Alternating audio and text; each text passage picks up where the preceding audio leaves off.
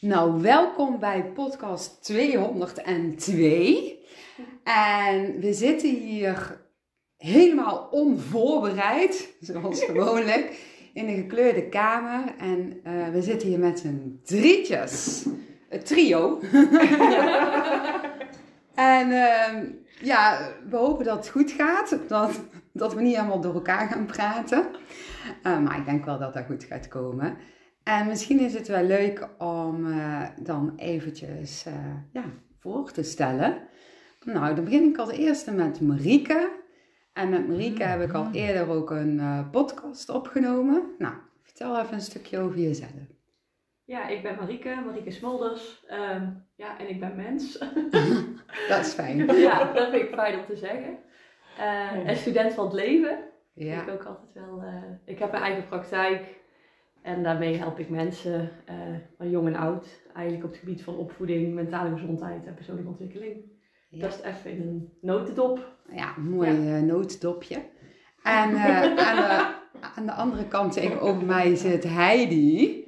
En met Heidi heb ik ook al een keer een podcast opgenomen. En vertel een stukje over jezelf.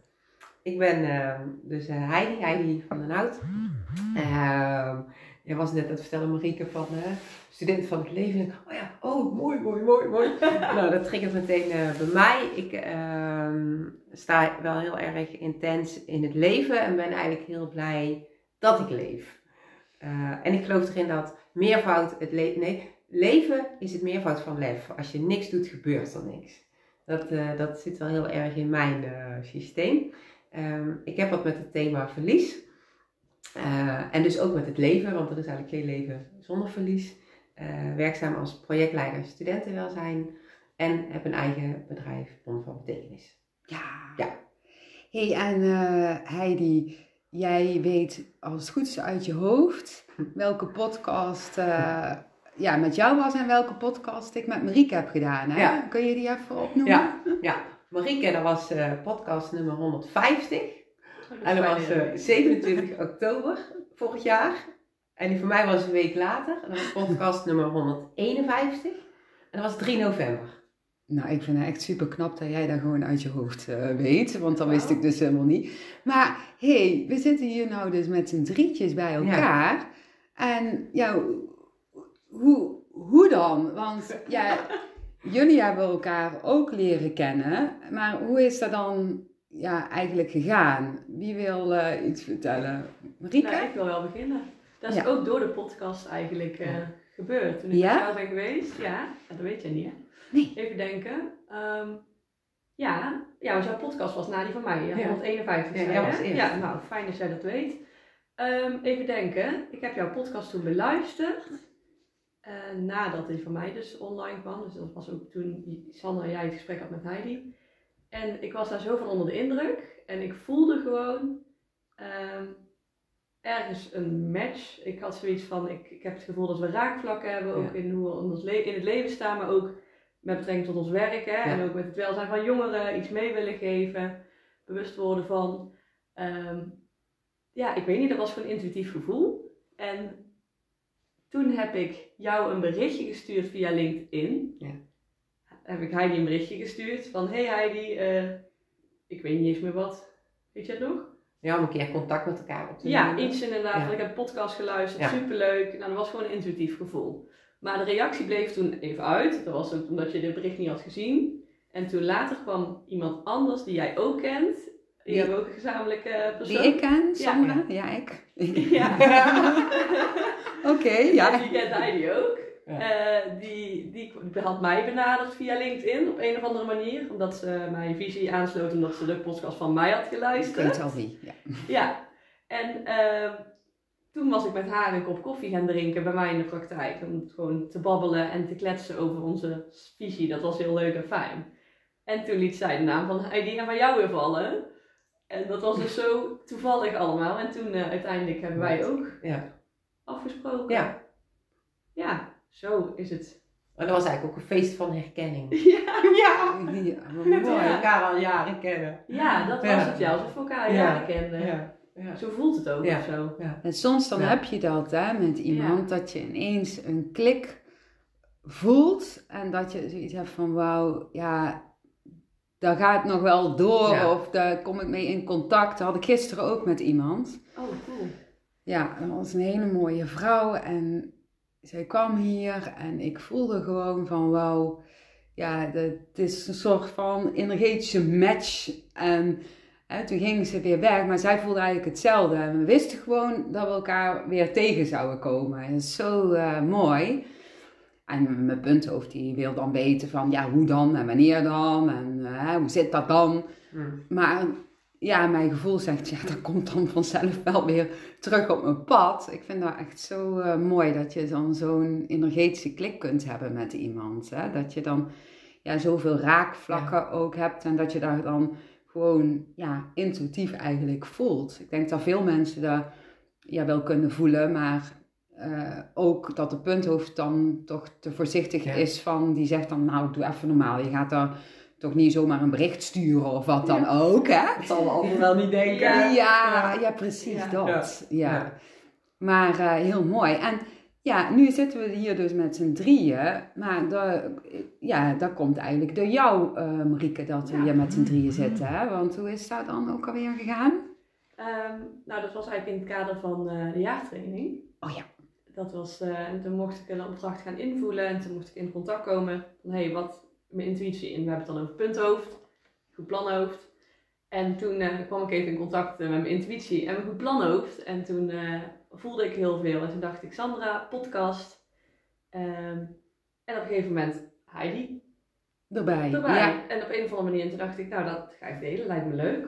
ja, En vandaar, dat voelde gewoon heel goed. ja. Ja, ja, jij stuurde mij een berichtje en toen had ik ook meteen zoiets van, oh ja, dat is Ja. leuk. ja. Ja, met z'n drieën, ja. En zo zitten wij dus hier. Nou, ja. En we weten eigenlijk helemaal niet eens precies waar we het over gaan hebben. Dus eh, ja, dan wordt nog wel eventjes een Hoe dingetje. dat? Controle loslaten. Ja, maar ehm, ja, wat, nou, ik begin gewoon dan weer met Marieke van, wat zou jij nou gewoon heel graag ehm, met de luisteraars willen delen? Wat ik graag zou willen delen. ehm, nou, een beetje mijn eigenzinnige kijken op de, de wereld. En dat eh, misschien dingetjes ook anders kunnen en mogen. En dat ik het heel mooi vind om te zien dat dat nu eh, gebeurt op heel veel vlakken. Ja. Kun je daar wat voorbeeldjes van geven misschien? Ehm, ja. En nou, in het kader van eigenlijk hoe mensen in hun vel komen te zitten. Of ook als je het hebt tegenwoordig. Het is best wel ingewikkeld soms. Met alle prikkels en alle invloeden van buitenaf. Dat je eh, best wel lastig is om soms bij jezelf te blijven. En hé, hey, wie ben ik nu in deze wereld? En wat kom ik doen? Eh, wat vind ik leuk? Waar krijg ik energie van? Ehm, en dat ik daarin zie dat dat soms best lastig is, eh, ook in het huidige onderwijssysteem, als ik daar dan toch maar meteen een bruggetje maak.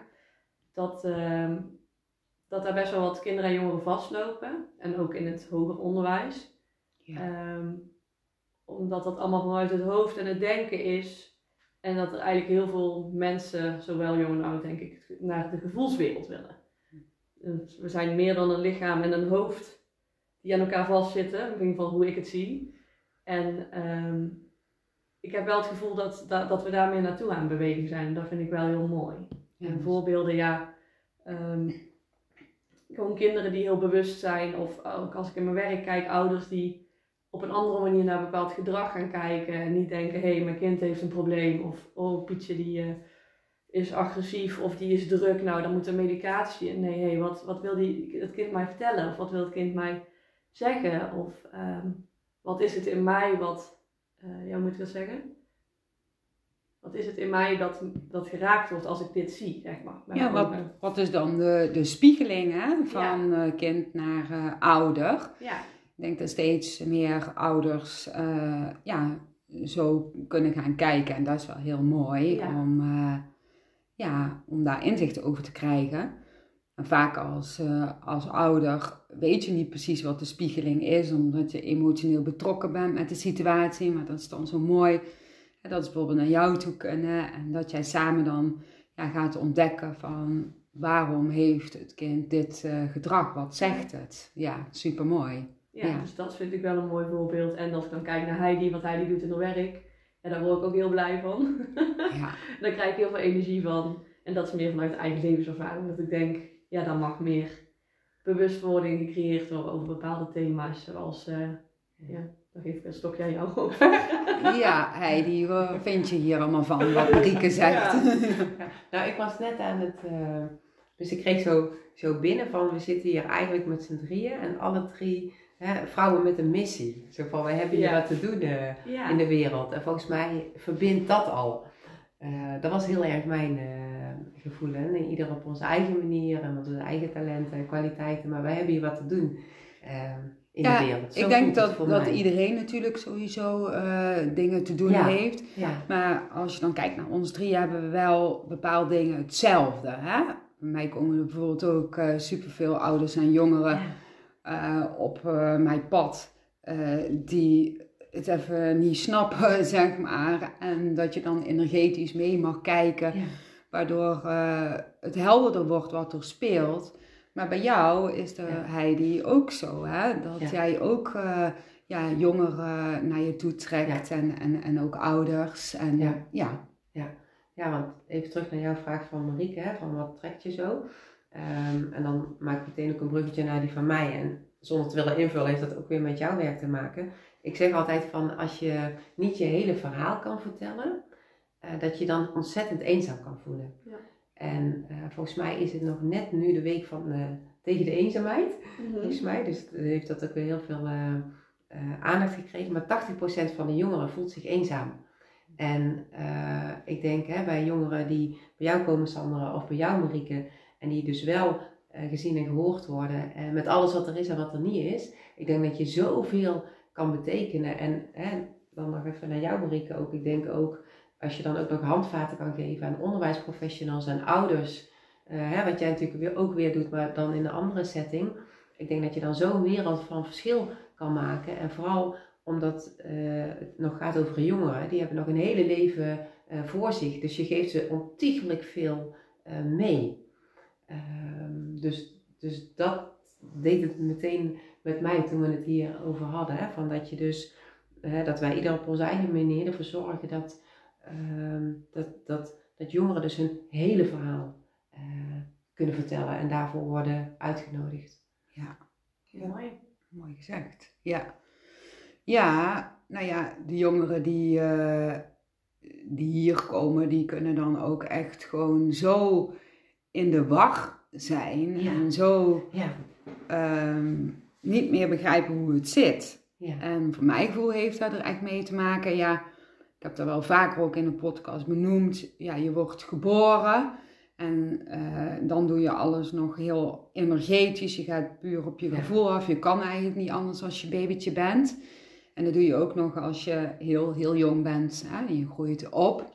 Je zal zo ja, vanaf een jaar of uh, ja, drie, vier begint dat te veranderen. Want dan kun je niet meer zo in die speelse vorm uh, blijven, volgens de maatschappij dan. Mm.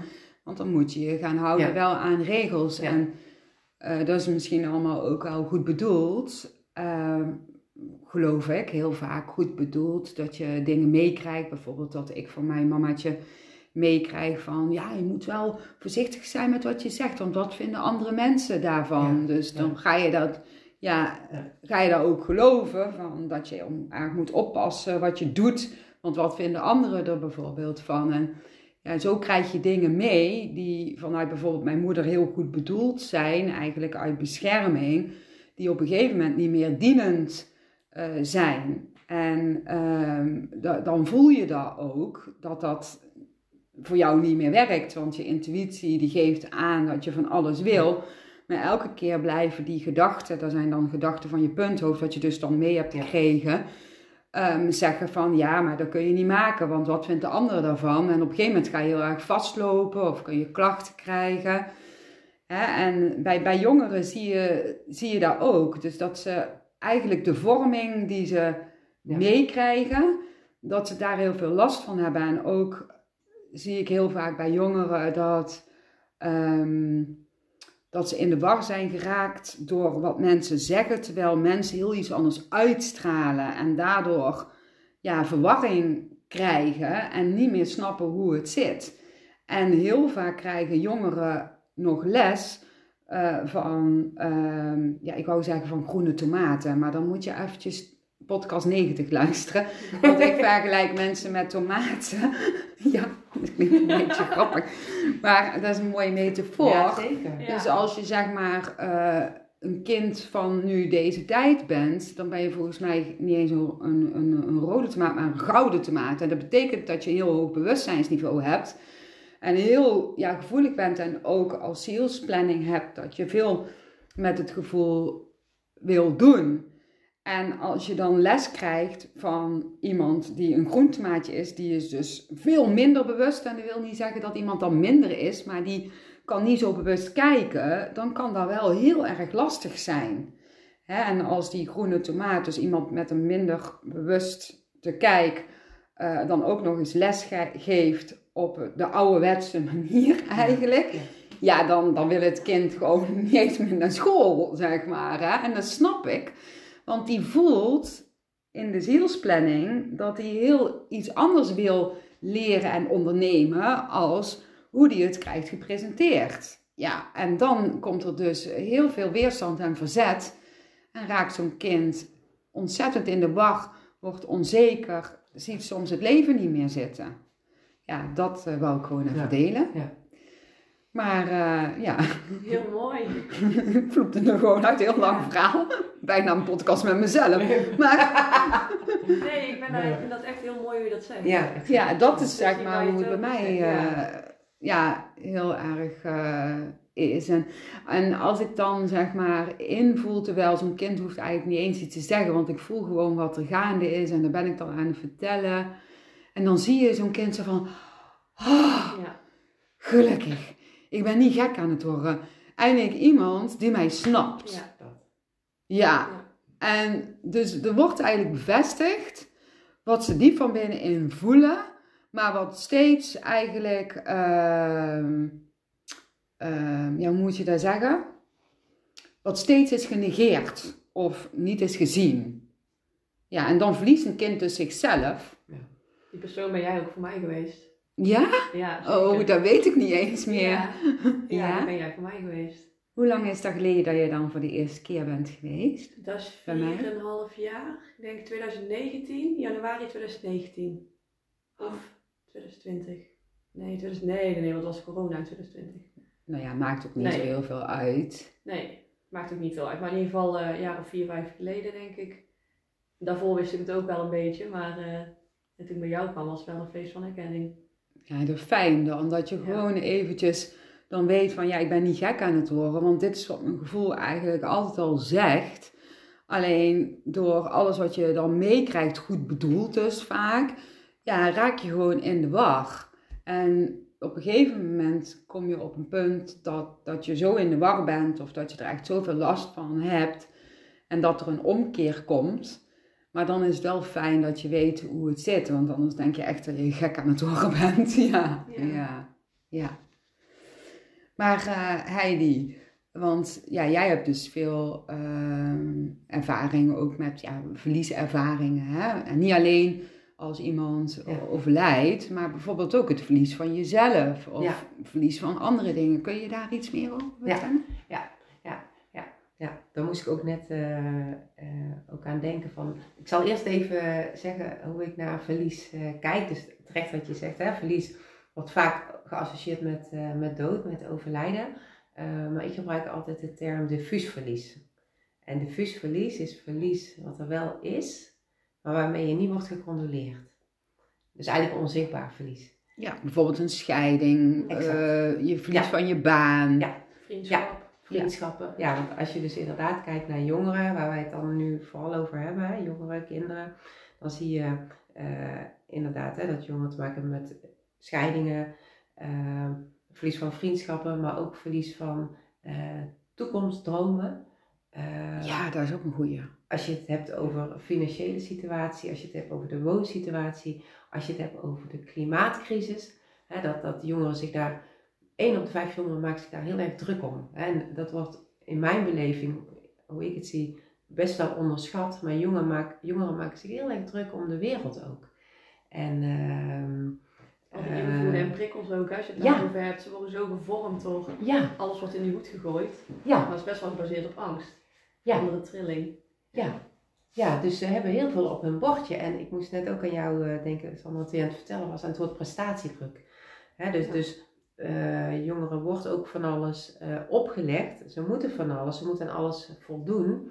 Hè, ik was bij een eh, congres en toen zei de hoofdonderzoekster, zei, jongeren lopen echt een red race. Hè? Dus alle jongeren. Ja, eens. En laat staan, als je dan nog wat extra verlies of, of ander soort iets in jouw rugzak hebt, dan is het helemaal heel heftig.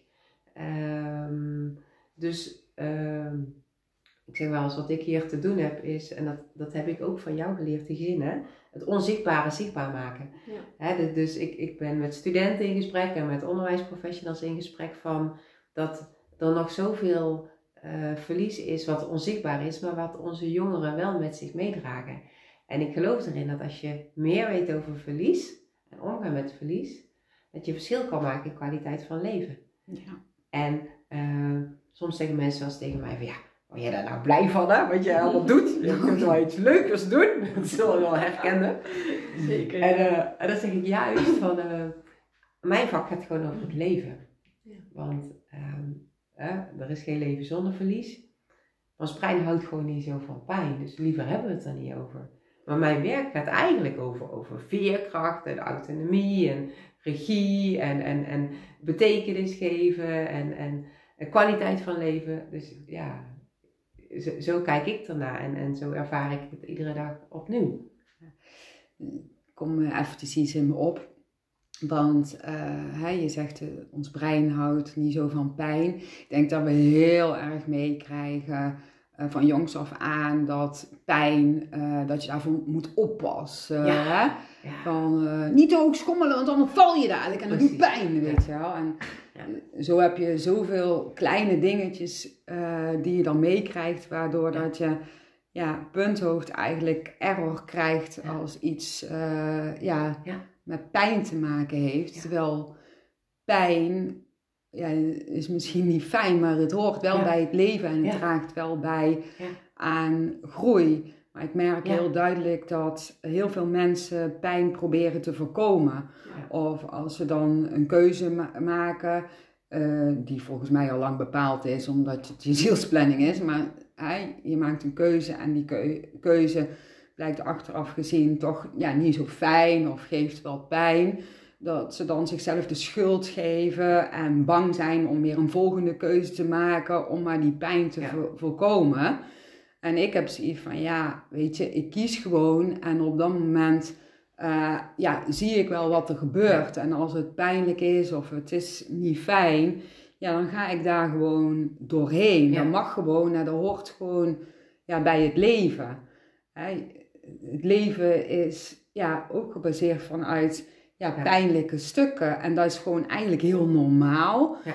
Maar ja, ik merk gewoon dat heel veel mensen dat eh, ja, proberen te voorkomen. En Ja. je kan dat gewoon niet voorkomen. Nee. Voor mijn gevoel. Nee. Omdat eh, door een moeilijke situatie heen gaan, die pijn geeft of verdriet geeft, ja, dat draagt weer bij aan groei. En daar zitten ook de leerprocessen. Ja. dat hoort echt bij de aarde. Ja. Ja, mooi. Dus dat zegt, zo zie ik het ook hoor. Ik denk dat wij het allemaal zo zien. Als je dan wel kijkt van, sorry mijn keel, dat dat ook vroeger heel erg meegegeven is, weet je wel. De opa's en oma's van nu, of de, ja, de generatie, die spraken niet over emoties of gevoel. En er werden zoveel dingen weggestopt, maar die hebben wel heling nodig. Die, er heeft wel woorden moeten ervoor komen om de plek te geven. Ja, alles heeft een plek nodig, een juiste plek. En als dingen daar niet in erkend worden of je hebt dat niet meegekregen, is het ook best lastig. Dus als je dan de vaders en moeders van nu kijkt, die met al hun liefde Hmm. en alle goede bedoelingen ehm, proberen iets eh, op te lossen. Maar ze begrijpen hun eigen lichaam niet amper, omdat ze heel erg in hun hoofd en hun denken zitten. Dus bepaalde emoties of een bepaald gevoel wat opkomt, dat wordt sneller geblokkeerd. Of ehm, ik zie dat als een soort van luikje in je Ik heb nu mijn handen vol mijn buik, een soort van luikje in je lijf. Alsof het dan meteen naar boven schiet naar het hoofd. Terwijl het mag even een soort een time-out van een pauze van hé, hey, wat gebeurt er nu? Voordat Ja. meteen gereageerd wordt. Of, eh, ja, en dat is geen oordeel, want het is een omstandigheid en een gevolg van. Maar dat is wel als ik het dan ook heb over van waar we naartoe mogen bewegen, dat dat, dat beseffen dat we daarin ja, een soort andere computer nog in ons lichaam hebben zitten die eh, ook knopjes heeft. Ja. En waar we de gebruiksaanwijzing ook van mogen leren. En ook met de emoties, dus met het contact met ons brein.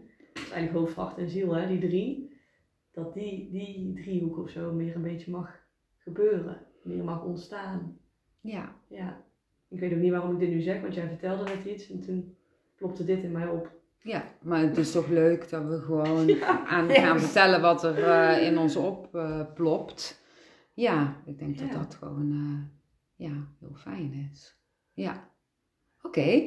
Ehm, ja, wat, het, wat er nou bij mij in, in mij oplopt is van eh, als bijvoorbeeld er iets met eh, de kinderen aan de hand is. Ja, nou heb ik dat niet meer zo sterk, maar in het verleden wel. Dan eh, vond ik dat dan altijd erg en dan wilde ik ze beschermen. En nu kijk ik eigenlijk van, goh, waarom vind ik dat zo erg? Wat speelt er eigenlijk in mij? Mhm. Want ik word getriggerd, want ik wil niet dat dat hun overkomt, bijvoorbeeld. Maar dan zit er iets in mij waardoor ik dus geraakt word. En dan ga ik even, ja, even wandelen en even voelen in mijn lichaam, waar voel ik dat? En dan ga ik kijken van wat is er in het verleden eigenlijk gebeurd, waardoor ik zo mij geraakt voel. En dan ga ik daar gewoon licht en liefde naartoe sturen. Of gewoon even mee zijn. En voor mijn gevoel heel ik dan ook weer een stukje. En eerst kon ik dat nog niet zo goed en wist ik allemaal niet hoe dat werkte. En dan was ik me eigenlijk zo aan het zorgen maken over een van mijn kinderen als die met iets zat, waardoor eigenlijk mijn pijn ook alleen maar erger werd. Dus ik geloof ook heel sterk dat kinderen een spiegeling geven van ook ja, de pijn die in jou zit. Snap je nog Ja. wat ik ja, bedoel? zeker. Ja, Ja, ik heb er bij mij een vraag op. Van hoe, is dat bij Oh. jou, hoe is dat proces bij jou gegaan? Nou ja. ik dat wel. Ja, eerst was, eerst was ze alleen maar aan het beschermen. Was net zo'n leeuw en eh, niemand komt aan mij welpjes. ja, wauw, zo. Eh, maar ja, toen gebeurde er eh, ja, iets heel iets heftigs met een van de kinderen. En dat was zo, zo ingrijpend dat... en ik had haar proberen ja, te beschermen voor van alles en nog wat. Maar ja, dat lukte allemaal niet. En mijn punthoofd, ja, die wilde dat het dus wel lukte. En ik verloor daarmee heel veel energie. En ik verloor ook echt mezelf daarin. En het tegenovergestelde van wat ik wilde ging gebeuren. Dat wist ik eigenlijk al, want daar zag ik alweer dingen van. Nou, dus ik kon daar niet voorkomen. En toen is dat dus ook gebeurd. En toen heb ik echt in een soort van rouw gezeten. Ja, ik kan daar eigenlijk niet verwoorden, maar dat was gewoon zo ontzettend heftig. Dat ik echt dacht van, nu ben ik gewoon een kind kwijt. Oh jeetje. Ja, en dat duurde niet maar een paar weken, maar twee jaar heeft dat geduurd. En in die twee jaar heb ik dit geleerd. Want Wow. op een gegeven moment ja, werd het zo erg bij mij dat ik gewoon, ja, ik werd daardoor gewoon ziek, ik voelde me eigenlijk niet goed. En toen deed ik een meditatie om inzicht te krijgen. En ja, ik kan niet precies benoemen wat ik zag, eh, want dat is ook wel eh, persoonlijk. Maar om een lang verhaal kort te maken, ik zag eerst allemaal modder en een moerasgebied waar het kind in zat. En toen ineens zag ik allemaal licht en kwam het kind zeg maar uit het moerasgebied. Ja, als een soort van ja, herrezen of hoe noem je dat? Een nieuwe geboorte. En eh, toen voelde ik zeg maar de pijn in mijn lichaam. En toen ben ik in mijn lichaam gaan voelen wat er aan de hand was. Waardoor dat ik eh, het zo als heftig ervaarde. En toen stuitte ik dus op een eigen ervaring die ik zelf mee had gemaakt. Mhm. Toen ik ongeveer dezelfde leeftijd had. Ja, en eh, toen ben ik eigenlijk in die pijn even gaan zitten en in dat verdriet. Want eh, dat stuk van mijzelf, daar was ik helemaal mezelf verloren, zeg maar. Dat was echt gewoon, ja, bizar verdrietig hoe ik er toen de tijd eraan toe was. en dat stuk heb ik dus eigenlijk, ja, ben ik daarin gaan zien van, oh, daarom wil ik mijn kind zo beschermen. En zo vielen allemaal puzzelstukjes. Ja, en niet ja. in één keer hoor. Want dat heeft ook weken weer geduurd. Maar het werd steeds duidelijker. En toen op een gegeven moment ben ik daar eh, ja, wat losser gaan laten. En meer focus gaan leggen op eh, dingen die me ook energie gaven. En dat die pijn en dat verdriet en die rouw van mezelf, dat dat er gewoon mag zijn. En ik heb eh, mijn kind heel veel licht en liefde gestuurd. En ingezien van meer kan ik niet doen. Want dat gaat ook bijdragen aan de groei van het kind. Mhm. En toen was die twee jaar ineens eh, voorbij. En toen eh, ja, kwam, kwam het kind weer terug. Wauw. Ja, Prachtig. Ik ben er stil van. Ja! ja, ja. Wauw. Het is, Ja. het is bizar. Het is Ja. bizar. En ik geloof ook het kind. Ja, je hebt, ja hè, als je meerdere kinderen hebt, dan heb je met het ene kind dit soort binding of verbinding. En met het andere kind weer net een andere verbinding. En je houdt wel evenveel veel van je Mhm. kinderen. Uh, maar soms kun je um, ja, heel erg op één lijn liggen met een van de kinderen. En vaak spiegelt dat kind juist jouw heftigste pijn. Tenminste, dat is mijn ervaring. Ja, alhoewel het andere kind dat ook kan hoor. Maar dan weer op een andere manier. Ja, heel uh, bijzonder allemaal. Maar ja, het was dus toen echt de hel voor mij. Maar ik heb daar echt zoveel van geleerd. Zoveel. Dat is eigenlijk de beste opleiding ever. Ja, ja. De beste opleiding ever. En uh, ja, dus hè, mocht je nou luisteren en heb je gedoe met een van de kinderen... Of ben je bang dat een van je kinderen iets overkomt of wat dan ook. Ga dan maar eens eventjes naar binnen toe, naar jezelf. En ga maar even voelen, wat speelt er in jou? Want daar wil iets geheeld worden. En als dat ja, geheeld is en dat kost tijd. Dat kan echt niet binnen één dag of een week. Dat kan goed jaren kosten of maanden. Maar als dat geheeld is, dan wordt het ook rustig. En het roept bij mij ook iets op. Je zegt dan een situatie van jou ook van vroeger rond dezelfde leeftijd. Ja. Als we daar dan systemisch, hè, vanuit het familiesysteembril naar kijken, is dat ook iets wat ik vaak zie ja. uh, in mijn werk. Dat er bepaalde thema's liggen bij ouders, uh, niet bewust, dus onbewust, onbedoeld.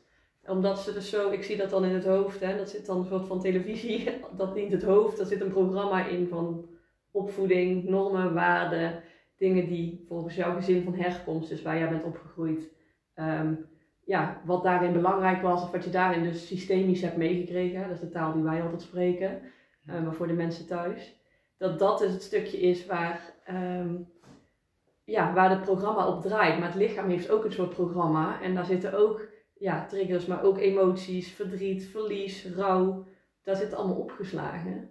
En vaak als dat dus niet geheeld heeft, alles en iedereen heeft recht op een juiste plek, dus ook die plek is in het lichaam en daar kan dus ook dan systemisch Um, ja, ik noem dat dan met een moeilijk woord intergenerationeel doorgegeven worden. Ja. En vaak is dan die spiegeling waar jij het over hebt, dat is een mooi woord. Dat is niet altijd zo, maar vaak zijn het wel bepaalde thema's.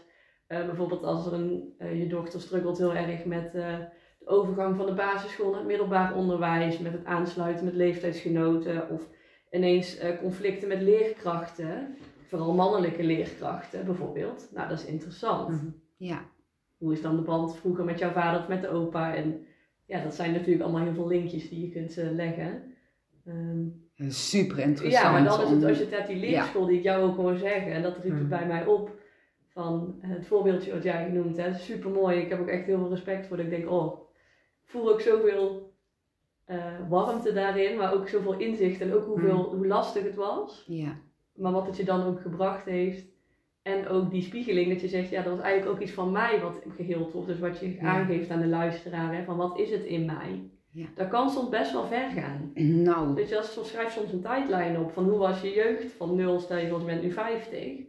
Wat zijn belangrijke gebeurtenissen geweest als je gewoon van 0 tot 50 maakt? En er mogen fijne gebeurtenissen zijn, maar ook minder fijne. Of leuke, minder leuke. Of bij wijze van als je als kind je konijn een keer doodging, noem maar iets hè. Of uh, iets wat waar, waar, helemaal geen ruimte voor was. Als er dan een verlies daarna komt, of een opstapeling van heel veel dingetjes, of vriendjes of vriendinnetjes als kind weggaan. En dat je vervolgens in één keer moet verhuizen, of dat je baan opgezegd wordt, of dat er iets met je gezondheid is. Ja, dat kan allemaal opstapelen. Mhm. Ja. En dat zijn dan die punten Mm. van emoties die kunnen ook in je lijf zitten dan. Hè? Dat we met ons hoofd dan denken, oh dat mag er niet zijn, waar jij net in het begin van de podcast over hebt. Oh dat is slecht, of ja, niet fijn of niet goed. Dat die dingen kunnen dus als een soort van boemerang terugkomen, omdat het allemaal een plek nodig heeft en het geheeld mag worden. Maar als je dan door die bril eh, naar situaties kunt kijken, van hé, hey, welke les ligt eronder? Of hé, hey, oké, ik weet het antwoord nu niet. Nou kan ik heel erg mezelf uit ervaring spreken. ik wil daar graag namelijk voor de luisteraars thuis heel graag weten als puntje puntje dan. Dus als ik dit doe, nou dan heeft het dat effect. Ook wel punthoofd. Eh, en dan soms dus ook even het niet weten en daar dus ook in durven zitten. Van ik heb nu pijn of ik heb nu een verdriet, ik ga kapot van binnen. Ehm, maar ik weet het even niet. En dat is ook oké. Dat is, Ja. wat je nou zegt, is zo belangrijk. Ja. Want we vinden allemaal dat we dan per se moeten weten, met ons punthoofd ook, hè, wat het dan is of waarom we ons zo voelen. Ja. Ja. Maar als we er middenin zitten, dan weten we het vaak niet. En dat je daar gewoon dan ook van jezelf even, dat dat gewoon mag. Dat Ja. je het gewoon van jezelf mag. Je, het niet, hoef je, je hoeft het gewoon niet per se te weten. Je komt er dan vanzelf wel een keer achter als dat de bedoeling is. Ja, dat is wel zo fijn als je daar vertrouwen in kan hebben. Maar dat, dat kost ook wat tijd. Ja. ik moet Ja. me aan iets heel leuks denken aan ons gesprek van vorige week. Over de Nintendo game Mario. Tussen Heidi en Marieke, ja. het gesprek. Ja. Ja, we hadden het vorige week, ik weet niet, we hadden het ergens over. En ehm, ik gebruik wel eens een metafoor van het leven is gewoon net als een Ja. Nintendo game. Mario, dat speelde ik vroeger heel vaak. En dan heb je Mario Kart, maar je hebt ook gewoon Mario dat je van het ene eilandje naar een ander eilandje of landje kunt gaan.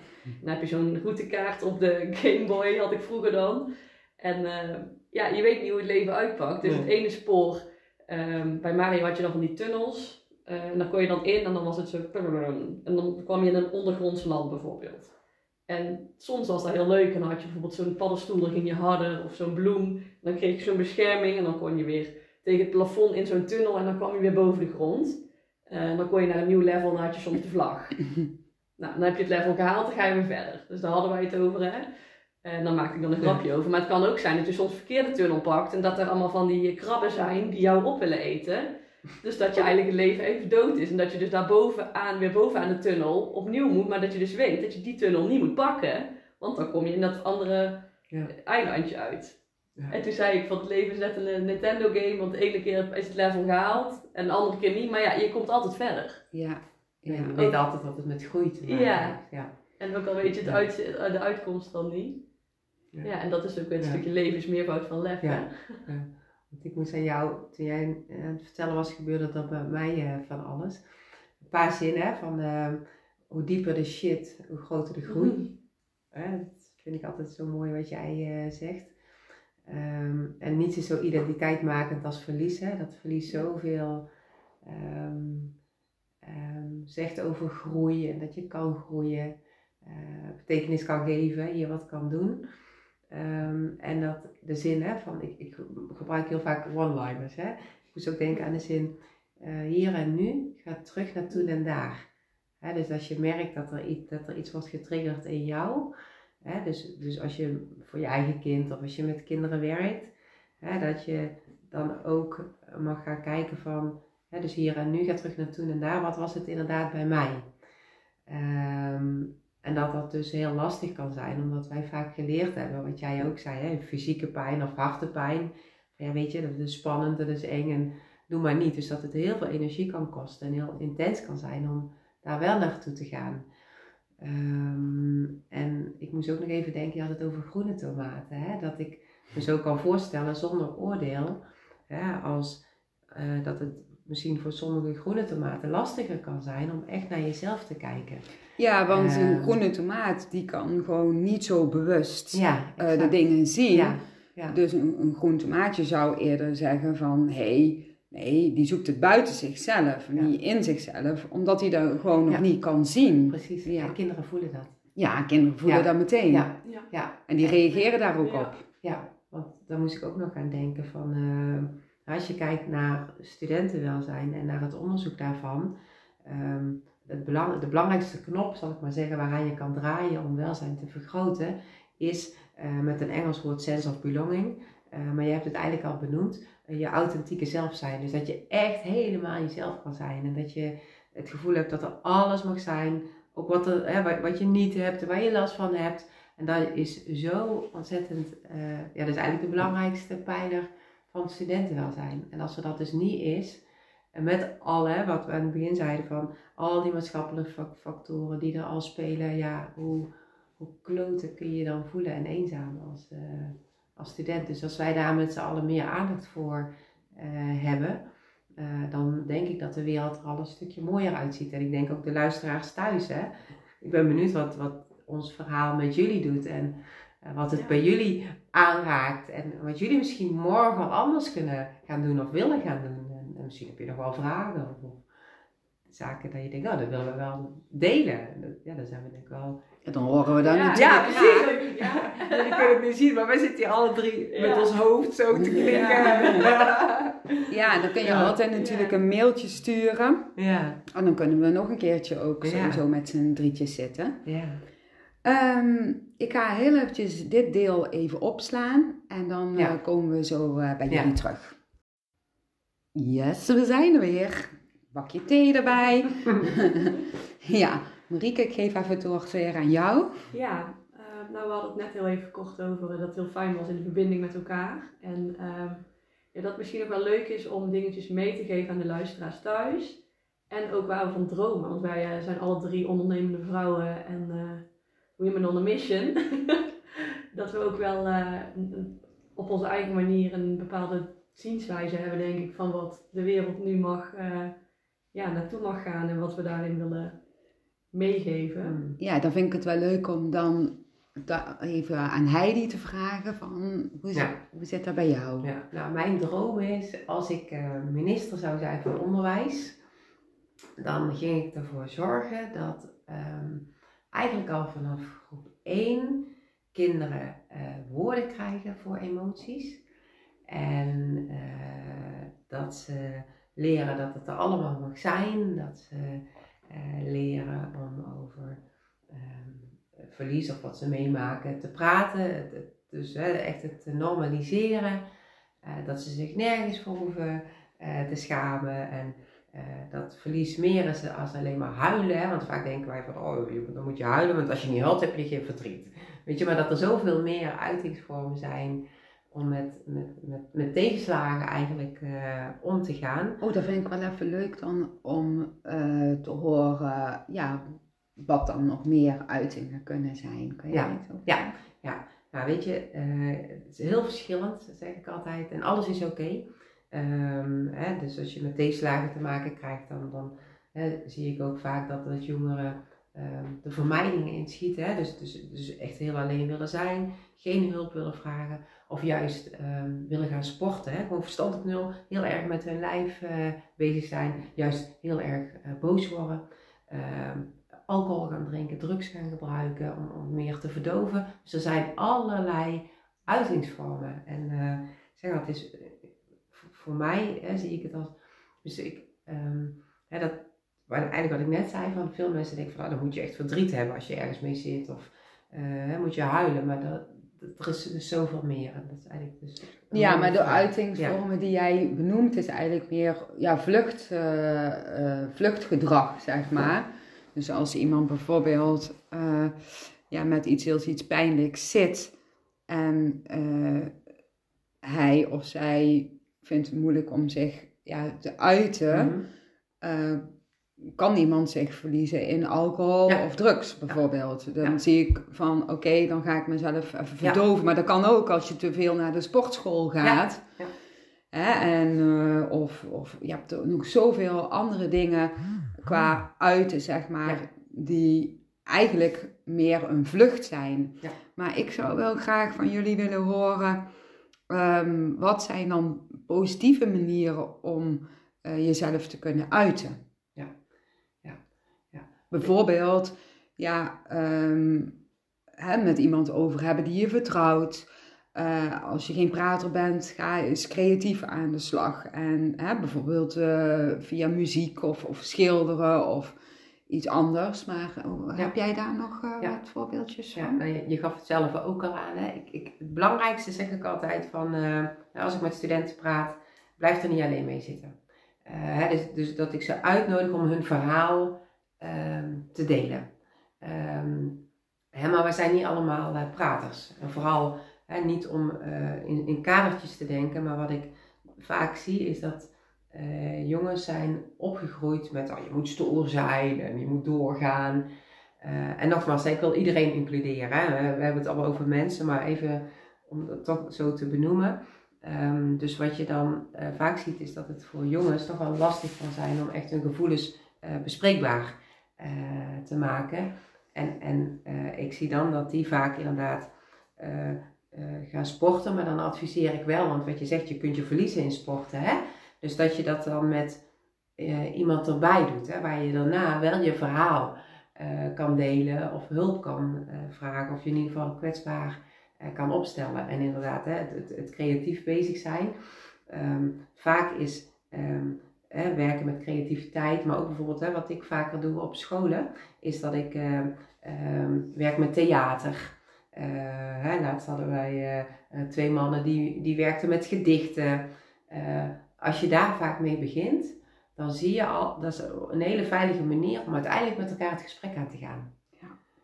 Ik vind dat ook fijn met gesprekskaartjes of zo. Ja. Bijvoorbeeld van die eh, kennismakingskaarten of van die verdiepende Ja. vragen. En waar je dan zelf ook onderdeel van bent. Ja, ja, ja.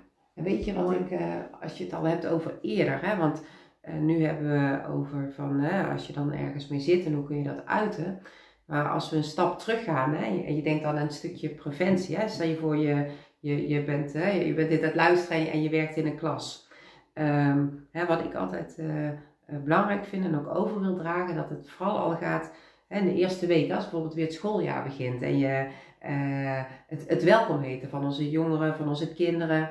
En dan heb je van die, vaak van die standaard voorstelrondjes. Nou, ik heb dat nooit gedaan. Ik heb altijd, als ik met eh, jongeren werk, dan zeg ik altijd van, eh, nou noem nou eens drie woorden die bij jou passen.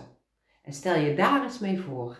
En dan zie je al dat er in een groep veel meer verbinding komt en dat ze elkaar echt zien en horen, doordat je al in het, in het persoonlijke gaat. Hè? Dus, dus eh, luisteraars thuis, als je werkt met jongeren, eh, hè, je, je kunt al, al hè, de, de check-in noemen wij dat al, met een, een mooi woord, die kun je al veel persoonlijker maken. En dan ga je van, ik zeg altijd, je kunt contact hebben of verbinding. Dus dan ga je eigenlijk al van het contact, ga je al naar de verbinding. En als een groeplid dan ergens mee zit, hè, een jongere of zo, dan is het veel makkelijker om al eh, dat kenbaar eh, te maken. Ja, en door er ook eh, echt te zijn Ja, voor hun. Want het doet me even, ik kreeg eventjes gewoon een eh, dikke vette herinnering vanuit het verleden. Of eh, herinnering niet, maar ja, misschien is het wel een herinnering. Want toen ik twaalf was, daar heb ik ook een podcast wel over gemaakt, over seksueel misbruik. Ehm, heb ik te maken gehad met seksueel, seksueel misbruik. En daarna eh, ja, ben ik nog bedreigd en ehm, durfde ik mezelf eh, ja, niet uit te spreken. Want die persoon die zei, als je dat doet, ja, dan wordt het alleen maar erger, Mhm. om een lang verhaal kort te maken. Dus ik verzweeg dat en dat is zo ook, ja, er zijn even geen woorden voor, ingrijpend geweest om, ja, iets niet te mogen delen, zeg Ja. maar. In angst dat het nog erger wo- wordt en je voelt je eigenlijk ook schuldig dat je daarmee in zee bent gegaan. Terwijl dat is helemaal niet jouw Nee. schuld, maar dan ga je wel allemaal denken. En ja, je durft gewoon ja, je niet te uiten. Dat is gewoon geen optie, want je bent gewoon bang en heel erg bang. En toen kwam ik op een gegeven moment kwam ik op de middelbare school terecht. En eh, er was er een leraar Nederlands. En die leraar Nederlands, dat was toch wel iemand die best wel ook al een bewuste kijk had. En ik ging daar ook altijd vooraan in de klas zitten, terwijl ik normaal gesproken meestal achteraan ging zitten. En eh, dus ik zat recht tegenover die leraar. En op een gegeven moment kijkt hij mij aan en hij zegt: ehm, jij zit met iets, hè? Dus hij voelde gewoon aan mij, doordat hij er gewoon ook echt voor mij was. Dus niet met heel uh, de lesstof bezig was, Nee. maar hij was echt aan het intunen ehm, hoe ik me eigen voelde. Dat voelde ik. En dat was zo mooi en bijzonder, maar tevens ook veel te heftig. Want ik durfde het niet te delen, omdat ik toen midden in dat proces zat en die bedreigingen had en alles. Maar ik voelde dat hij wist Ja. wat er, dat er iets aan de hand was. En dat alleen al, Ja. dat vergeet ik nooit meer. Nee. Nee, dat snap ik. Dat vergeet ik nooit meer. Dat was eigenlijk al eh, een. eh, ja, ik denk dat hij bij mij, dus onbewust, dan een zaadje plantte. Om het uiteindelijk toch te gaan vertellen. Ja, ik word er echt emotioneel Ja. van als ik het nou over Ja. heb. Want ik voel het weer, want ik zie mezelf daar nog zitten in dat klasje. Want toen was ik inmiddels ja, 13, 14 jaar. En dat iemand gewoon er dan voor jou is. Terwijl, je, terwijl hij mij niet verplichtte om het te vertellen, te vertellen, maar energetisch. Ja, het deed daar iets met mij. Wat het deed is, het komt goed. Ja, je werd op alle lagen ook Ja. gezien, hè? Maar hij was er gewoon voor Ja. mij. En eh, daar heb ik heel vaak dus niet meegemaakt. Hè, dat, dat, dat juist dat bijvoorbeeld zo'n leraar of, of iemand anders bezig is met heel iets anders als met echt eh, de leerling zelf, zeg maar, die daar zitten. En daar zou ik elke leraar willen adviseren van oké, ben er. Weet je wel, dat je er ook echt bent. En niet dat je met je hoofd nog bezig bent van, oh, ik moet daar dit nog nakijken of dat nog doen of blablabla. Maar dat je gewoon eens even echt bent. Ja, in- met aandacht in het hier en nu. Ja, Ja, precies mooi. dat. Jeetje, maar Want dat is wat een kind ook, eh, ook kan voelen. Ja. ja, en nodig heeft. Ja. Ja. ja. Kijk, Dus dat... eh, Ik ben ook aan het voelen hoor, want jouw verhaal raakt. En raakt ook omdat ik altijd uitdraag eh, naar onderwijsprofessionals van het zit hem zo in de kleine dingen. Hè? Want vaak krijg ik te horen, heb ik toch allemaal geen tijd voor om allemaal bezig te zijn met welzijn en ik heb al genoeg. En wat jij nu zegt, dat kost geen tijd. Want je bent er gewoon en je ziet en je hoort iemand volledig. Ja, En door één opmerking maak je dus een mega verschil. ja, Door die ene opmerking. Want toen kreeg jij hoop en toen wist jij, ik word gezien, ik word gehoord. ja. En ik kan er naartoe als het nodig is. ja, ja. En wat er eh, toen ook nog gebeurde was, want ik ging toen, daarna, ging ik, ja, schrijfsels maken. Gewoon, ja, gedichtjes. Het is jammer dat ik die gedichtjes niet meer heb. Maar die gedichtjes die liet ik dus zien aan die leraar Nederlands. En daar stond echt niet in wat er gebeurd was. Maar de woorden die ik schreef, gaven wel die intentie. En hij kon dan gewoon snappen. Hij, eh, ja, want eerst kreeg ik altijd commentaar van, altijd van, ik kreeg altijd commentaar van leraren dat ik het niet goed deed of dat, eh, dat het mij toch nooit niet lukte, maar dan met andere woorden. Maar hij zei tegen mij, eh, als hij dan zo'n gedichtje had gelezen van, dit is zo ontzettend mooi en ik voel gewoon ja, wat je schrijft. En ik dacht nog van, huh, ik snapte helemaal niet toen wat hij bedoelde. Maar nou ik achteraf terugdenk, weet ik dat hij gewoon de energie van die woorden die ik gebruikte in mijn gedichtjes, ja, kon voelen, kon oppikken, omdat hij ook echt die gedichtjes las. Ja. En niet zo van, oh, daar heb je weer een kind met een gedichtje, ja, Ja. doei, eh, ja, leuk gedichtje, ja. Nou, hè, dat, dat is niet lezen. Dat is hetzelfde als een kind een tekening laat zien en dat je gewoon, ja, kijkt, maar je bent met je hoofd heel ergens anders. Dan, dan heb je niet gekeken. Nee. Maar wie weet staat daar wel een hele mooie boodschap in die tekening, eh, die, eh, wa- eh, die te maken heeft met het kind. En dat is zo ook met, met schrijfsels. Weet wat er nou met mij gebeurt als jij dit zo aan het vertellen bent over die docent? Die heeft jou letterlijk en figuurlijk weer een stem gegeven. Ja, ja, die zag mij. Ja. En dat is wat ik toen nodig had. En daardoor kon ik op een gegeven moment ook mezelf weer gaan zien. Ja, dat duurde natuurlijk heel lang, maar hij heeft zaadjes geplant. Zo Ja. voelt het. De, dan krijg je Ja. elke keer zo Ja. dat gevoel van... Je hebt echt toen zaadjes geplant bij mij. Waarbij eh, ik eh, ehm, ja, op een gegeven moment bewust ga worden. Ja. Jammer dat ik die naam niet meer weet van die leraar. Want ik ben zoveel kwijt uit die tijd, omdat je dan zo in, een, in heftige processen zit, dat je heel veel ook vergeet, zeg maar. Mm. Ja, Er hoeft maar één persoon te zijn die je ziet, hè. ja, Als je kijkt naar, eh, als ik ook in mijn werk is eenzelfde verhaal met die jongen waar ik mee werk, dat ook een heel heftig verleden had eh, met inderdaad ook seksueel misbruik, huiselijk geweld, verwaarlozing, fysiek en emotioneel. En die persoon die was een ervaringsdeskundige geworden uiteindelijk, dus was een volwassenheid. En die gaf ook aan dat één persoon, één leerkracht op de basisschool, iedere week of een aantal keer in de week vers brood mee naar school nam. Eh, Ja. Omdat die leerkracht zag dat dat kind eh, vroeger dus beschimmeld brood meekreeg. En dat ouders daar niet toereikend waren om die middelen zeg maar, voor eten te- mee te geven. En dat het kindje zich daarvoor schaamde. En dat deze leerkracht dus onbewust brood meegaf en dan aan de conciërge. En dan mocht het kind naar de conciërge toe en dan kon het in de conciërge in de tas doen. En dat die persoon ook Ja. zegt met alles wat ik heb meegemaakt, alle hulpverlening.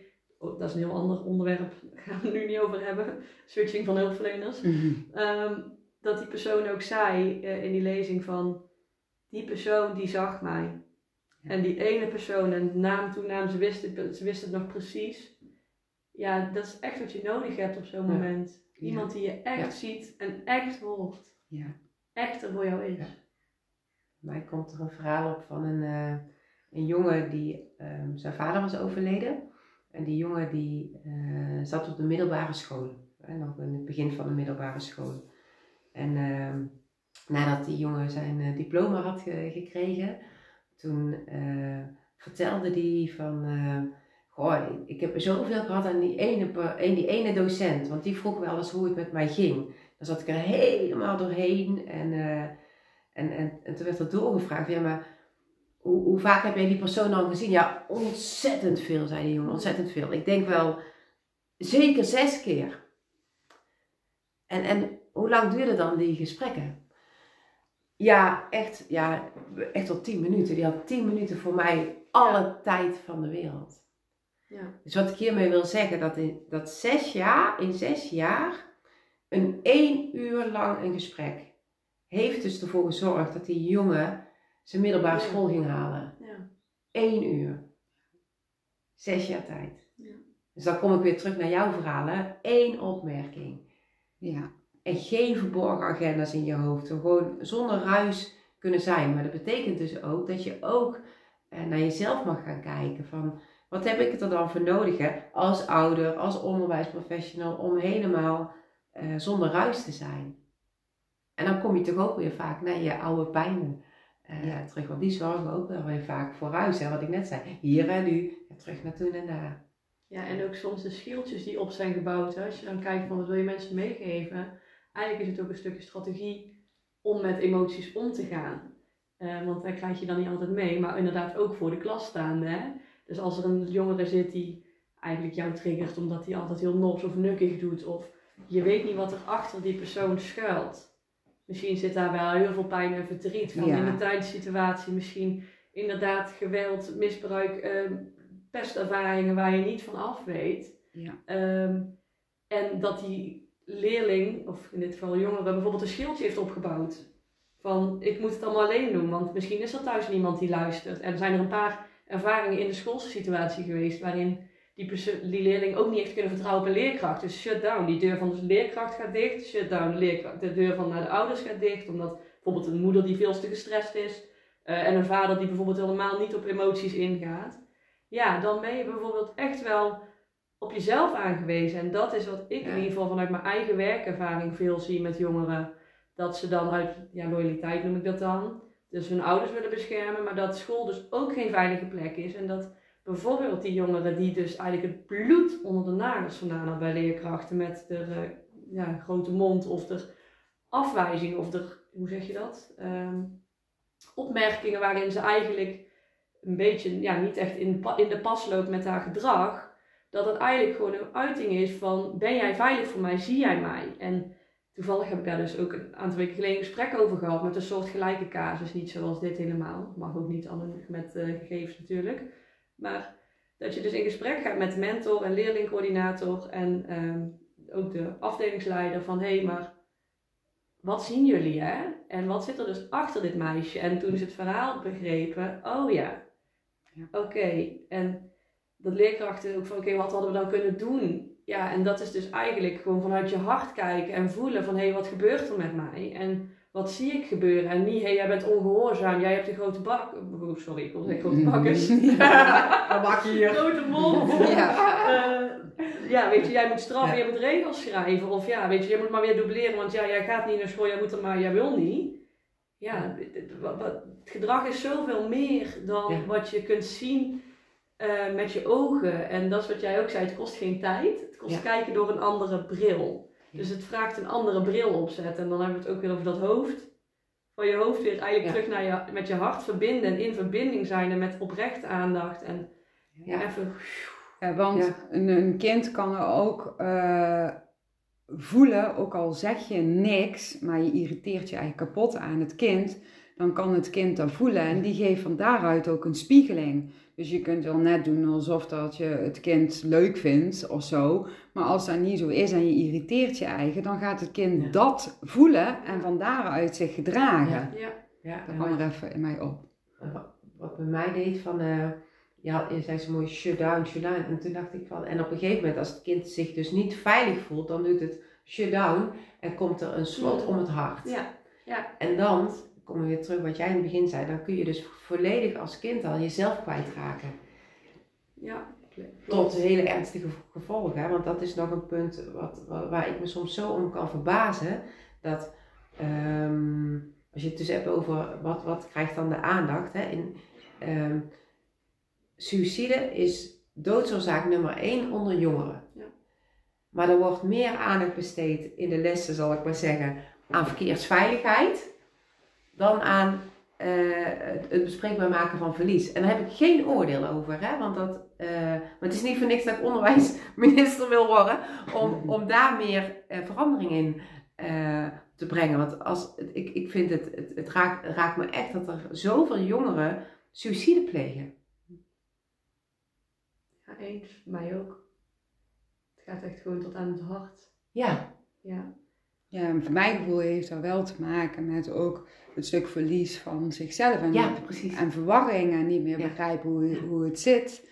En als je dan ook nog wel ja, wat, wat pittige, heftige situaties daarmee te maken krijgt, ja, dan, dan kun je een knop omdraaien om uit het leven te stappen. Ja. ja, ik snap, ja, heel eerlijk, ik snap ook echt dat mensen dat doen. Dat klinkt heel gek, maar ik vind het heel heftig dat het gebeurt. Maar ik begrijp het ook echt als je zelf zo verloren bent. Maar ik vind het zo verdrietig, want er, er is zoveel mogelijk, zeg maar. Als we daar met z'n allen onszelf hard voor maken. Dat emotionele ja, welbevinden, noem ik dat dan.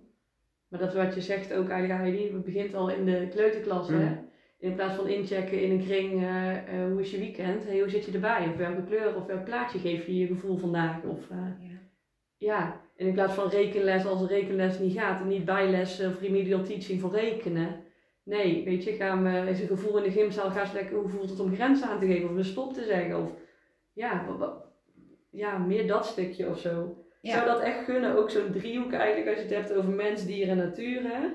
Maar ook leerkracht, leerling, ouder. Dat daar ook één taal voor is. En dat de emoties en ja, de identiteit, de ik van ieder persoon, Kunnen jullie dat zien? Mm. De ik van ieder persoon, dat die helemaal heel is en oké is. En niet dat dat moet volgens het paardje wat papa en mama hebben neergelegd al een beetje. En dat het kind daarop moet staan. Of, en überhaupt, ik praat nu over kinderen en jongeren, maar ook volwassenen. Ja. Ja, De volwassenen zeker. van nu zie ik het ook. Die denken, ja, wat doe ik eigenlijk?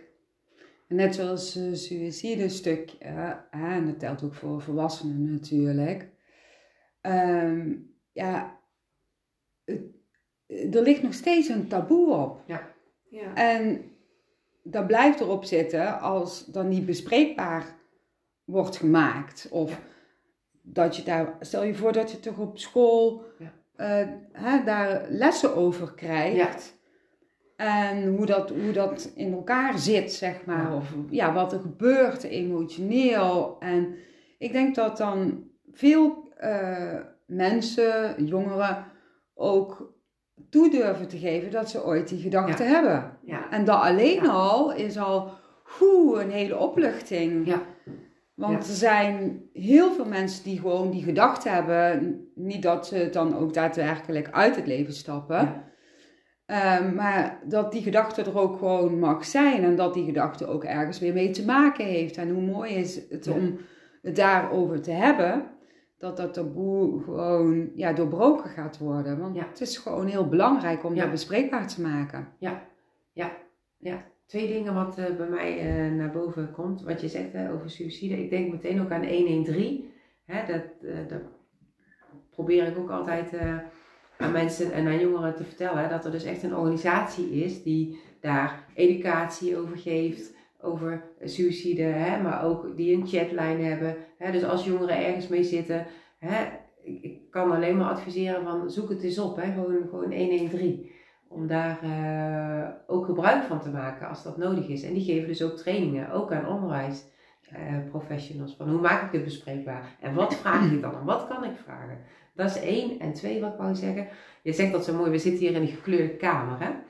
Ehm, als ik die link maak naar eh, eh, al op de basisschool kinderen leren om te praten over verlies.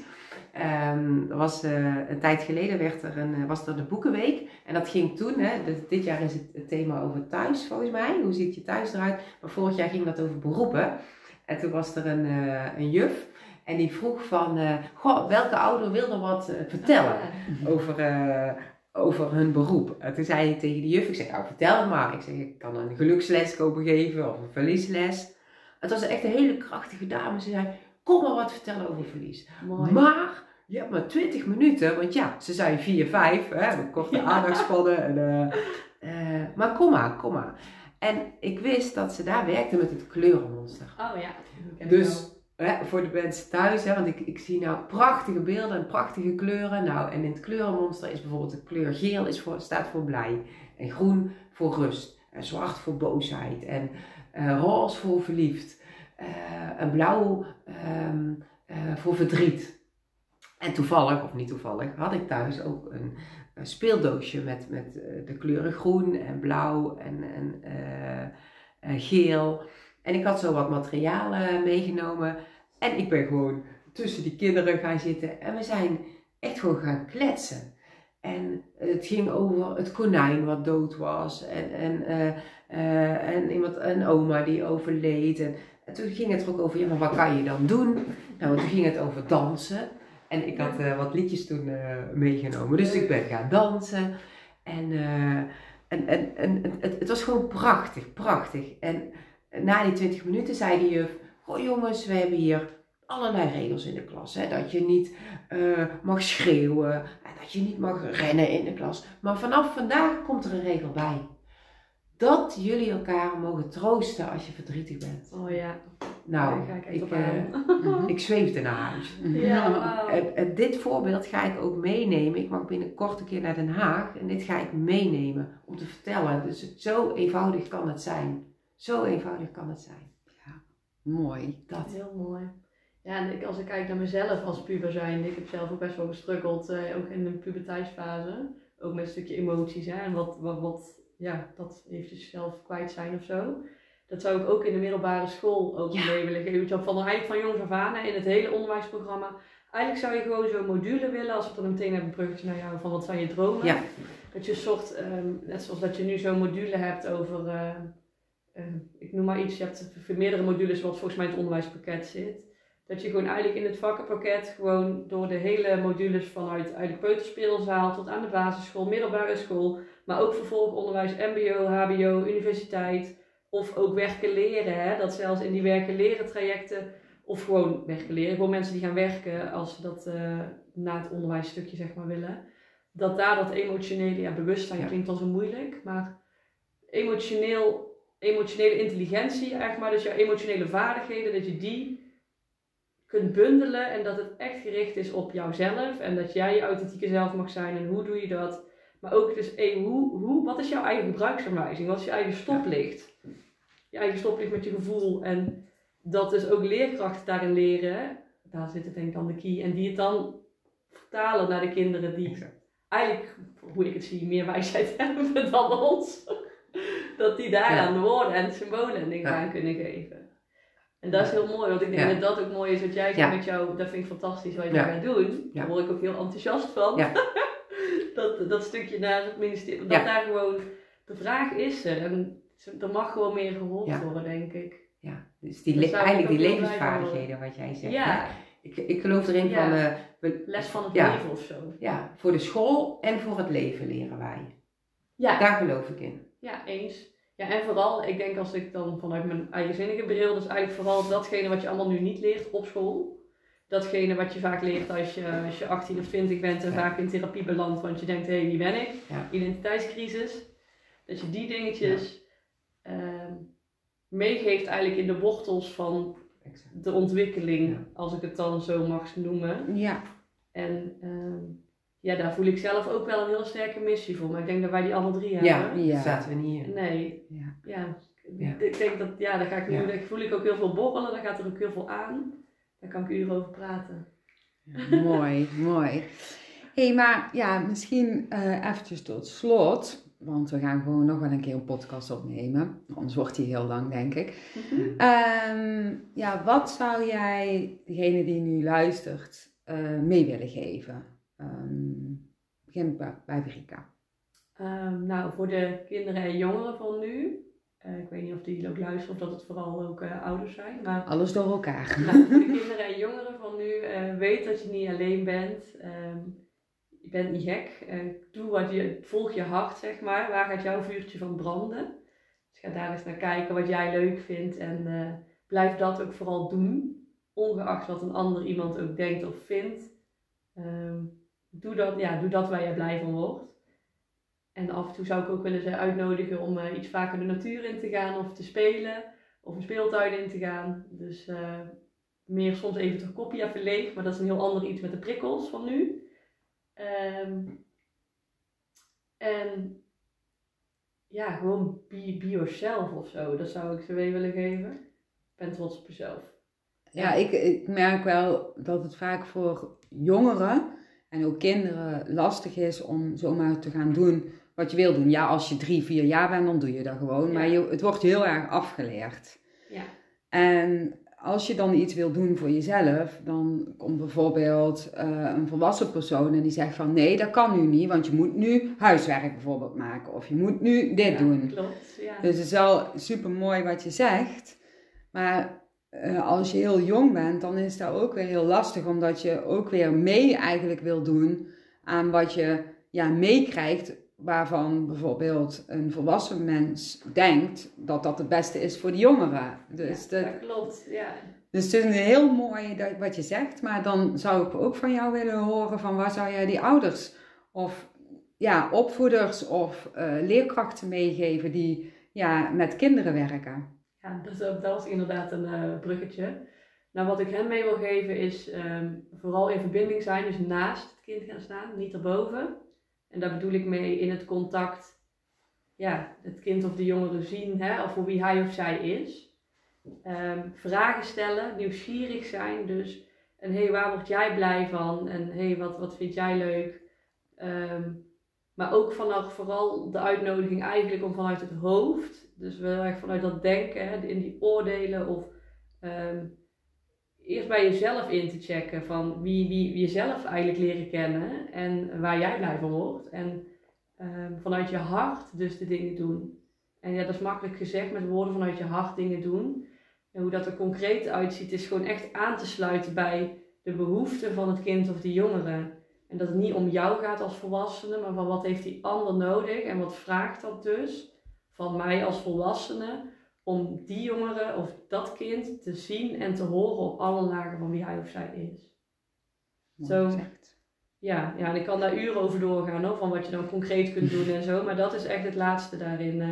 En ook voor ouders zelf, van hey, heb ik bijvoorbeeld ehm, oprechte aandacht vandaag voor mijn kind gehad en was ik niet bezig met de was of dat ik nog moest koken of dat ik nog, eh, ehm, ik weet niet, naar die, de kind naar de sport moest brengen of ophalen, maar echt gewoon vijf of tien minuutjes. Als je s'avonds in bed ligt met je partner, kijk je partner aan van hey, hebben we vandaag nog een moment gehad samen?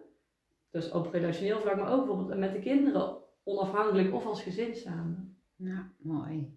Dus dat echt die verbinding met elkaar en daar op stuiten. Want ik geloof erin dat alles overwonnen kan worden met liefde en goede intenties. Mooi gezegd. Ja. Oké, dan ga ik naar Heidi. Wat zou jij, degene die nu Ja. luistert, eh, ja, mee willen geven? Heel kort, een paar dingen. Als jou iets heeft geraakt in deze podcast, hè, als je het hebt over het delen, zoek iets of iemand waarin je, waar je je hele verhaal kan vertellen. Mooi. Dat. Ehm, en werk je in het onderwijs. eh, en je hebt weinig tijd, hè, want ik, ik, ik weet dat hè, van mensen waar ik mee spreek, spreek. Gebruik de zin, de komende 10 minuten heb ik alle tijd van de wereld. Want dan voelt iemand zich, wat jij ook zegt, hè, Marieke, 10 minuten kun je iemand helemaal zien en horen en kun je er zonder ruis bij zijn. En als laatste tip, werk je in het onderwijs.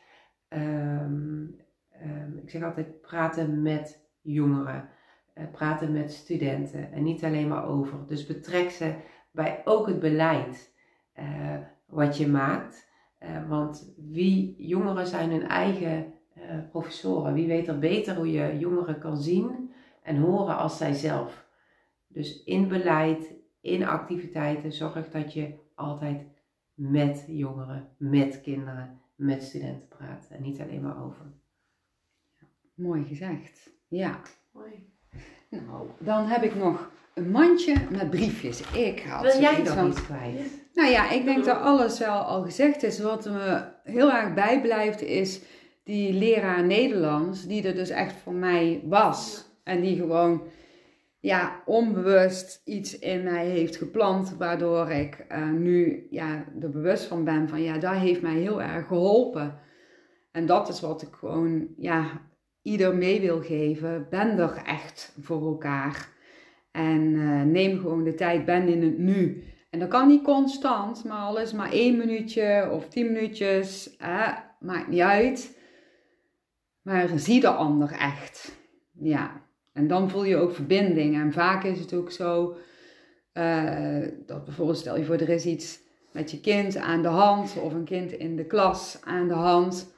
Dat als je er echt bent, dat de energie dan ook weer ja, heel mooi gaat veranderen. En als je er niet echt bent, en je zit je eigen gewoon toch te irriteren aan het kind of zo. En je gaat niet kijken wat er eigenlijk dieper speelt. Ja, dan blijft het een stresssituatie. En dan, dan is er spanning in een klas of in een gezin. En daar reageert iedereen ja, niet fijn op. Dus hoe mooi is het als je gewoon even een paar minuten neemt om dat te zijn. Want dan krijg je dingen, ja, krijg je inzichten van. Dan krijg je dingen mee, sneller mee voor elkaar. Ja, dat. Mooi. Dus ja, dat is eigenlijk ja, wat, eh, wat ik echt mee wil geven. Maar dat hebben jullie eigenlijk ook al eh, benoemd. Dus er zitten mooi op één lijn. ik denk dat we dat wel kunnen concluderen, ja. Dat we op één lijn zitten. Ja, ja. Heel mooi. Maar ik heb hier een mandje met briefjes. Ik vind het leuk. Oh, hier valt er al één. Die pak ik voor mezelf. Willen jullie er eentje? Met inspirerende teksten. Dus. Oh. Oh, ja, jij hebt er weer twee, ja? Marieke pakt er twee. Ja, dus dan Ja. zijn het er twee. Ja, dat moet dan zo zijn. Wil iemand van jullie erin? eh, Nee, ik heb, eh, ik heb een briefje en bij mij staat erop: voel de balans tussen geven en ontvangen. Nou, daar ben ik de afgelopen maanden best wel mee bezig. dus ik moet zeggen dat ik steeds meer eh, ja, die balans eh, te pakken krijg. En eh, ja, dat stuk balans komt er altijd bij mij wel terug. Hè? Als ik dan in een tussenfase zit, dan word ik heel erg uitgedaagd. En in een nieuwe fase, als ik daar dan kom, dan ja, voelt dat heel fijn. Dan voel, ik- voelt het eigenlijk best wel goed in balans. En zo groei je weer door naar een nieuwe fase. En dan kom je weer in de tussenfase. En dan zit je weer te kloten met balans. En dan gaat het weer uit balans. Maar eh, ja, dit eh, jaar is wel een heel groot thema balans voor mij hoor. Ja, jeetje. Ja, maar eh, komt goed. of ja, het is, het is al goed en toch nog beter, laat het zo zeggen. Ja. Ga ik naar Heidi. Schrijf eens op wat jij bij anderen hebt gevoeld. En ga nog meer op je intuïtie vertrouwen. Hele mooie. Ja. Ja, hele mooie. Ook voor de luisteraar natuurlijk. Ja. Ja. Heel mooi. Ja. En dat is eigenlijk waar jij net mee eindigde, hè, van als jij er helemaal kan zijn, dat betekent dus dat je vanuit je hoofd naar je hart gaat. Want dan kan je er helemaal zijn. En ik zeg altijd, het is wel vaak voor ons de moeilijkste route, alhoewel die maar 40 centimeter is, hè, van je hoofd naar je hart. maar, ehm, en tenminste, want dat doet dit kaartje met mij, hè, van, van ik, ik kan steeds meer uit mijn hoofd in mijn hart zijn en dan ook gewoon echt voelen en er zijn en ehm, ja, al mijn zintuigen staan dan aan. Ja, dat is prachtig, Heel eh, prachtige zin. Ja, mooi. Eh Marieke, het eh, briefje. Bij mij, en ik had er dus twee. Oh ja. Ehm, gele en oranje. Dat is ook wel leuke kleuren. Eh, wat ik vanuit mijn hart wil gaat lukken. Dus Wauw. Die, die klopt voelt wel heel passend met eh, ja, ik denk de missie die we allemaal delen. En de, de andere was voel je vrij en pak het avontuur.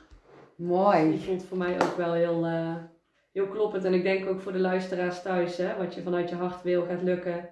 Ehm, ondanks bepaalde uitdagingen, blijf bij jezelf. En voel je vrij en pak het avontuur. Dat is misschien ook wel een beetje met het punthoofd. Als je soms dingen spannend vindt, of je vindt, eh, je denkt, ja, moet ik dat wel doen? Of eh, wat vinden mijn ouders ervan? Of wat vindt die ervan? Ehm, ja, jij bent de kapitein van jouw schip. Jij bestuurt jouw schip van het leven. En eh, jij bepaalt naar welk eiland of welk land die vaart. Dus eh, voel je vrij en pak het avontuur. Ja, en ik zou zeggen, vaar in de zee van vertrouwen. Ja. Ja, Prachtige afsluiting, ja? Ja, Die heb ik oh, even mooi. in de pocket. ja. Nou, eh, dan wil ik jullie super bedanken dat jullie ja, met mij samen een podcast eh, hebben opgenomen. Ja, jij bedankt. Het was me genoegen. Ja, echt. En u weet, komt er een volgende. Ja. En eh, jij die luistert, super dankjewel dat je helemaal hebt geluisterd naar deze podcast. En mocht je eh, vragen hebben over ja, het onderwerp of onderwerpen die we hebben besproken, dan kun je me altijd eh, mailen.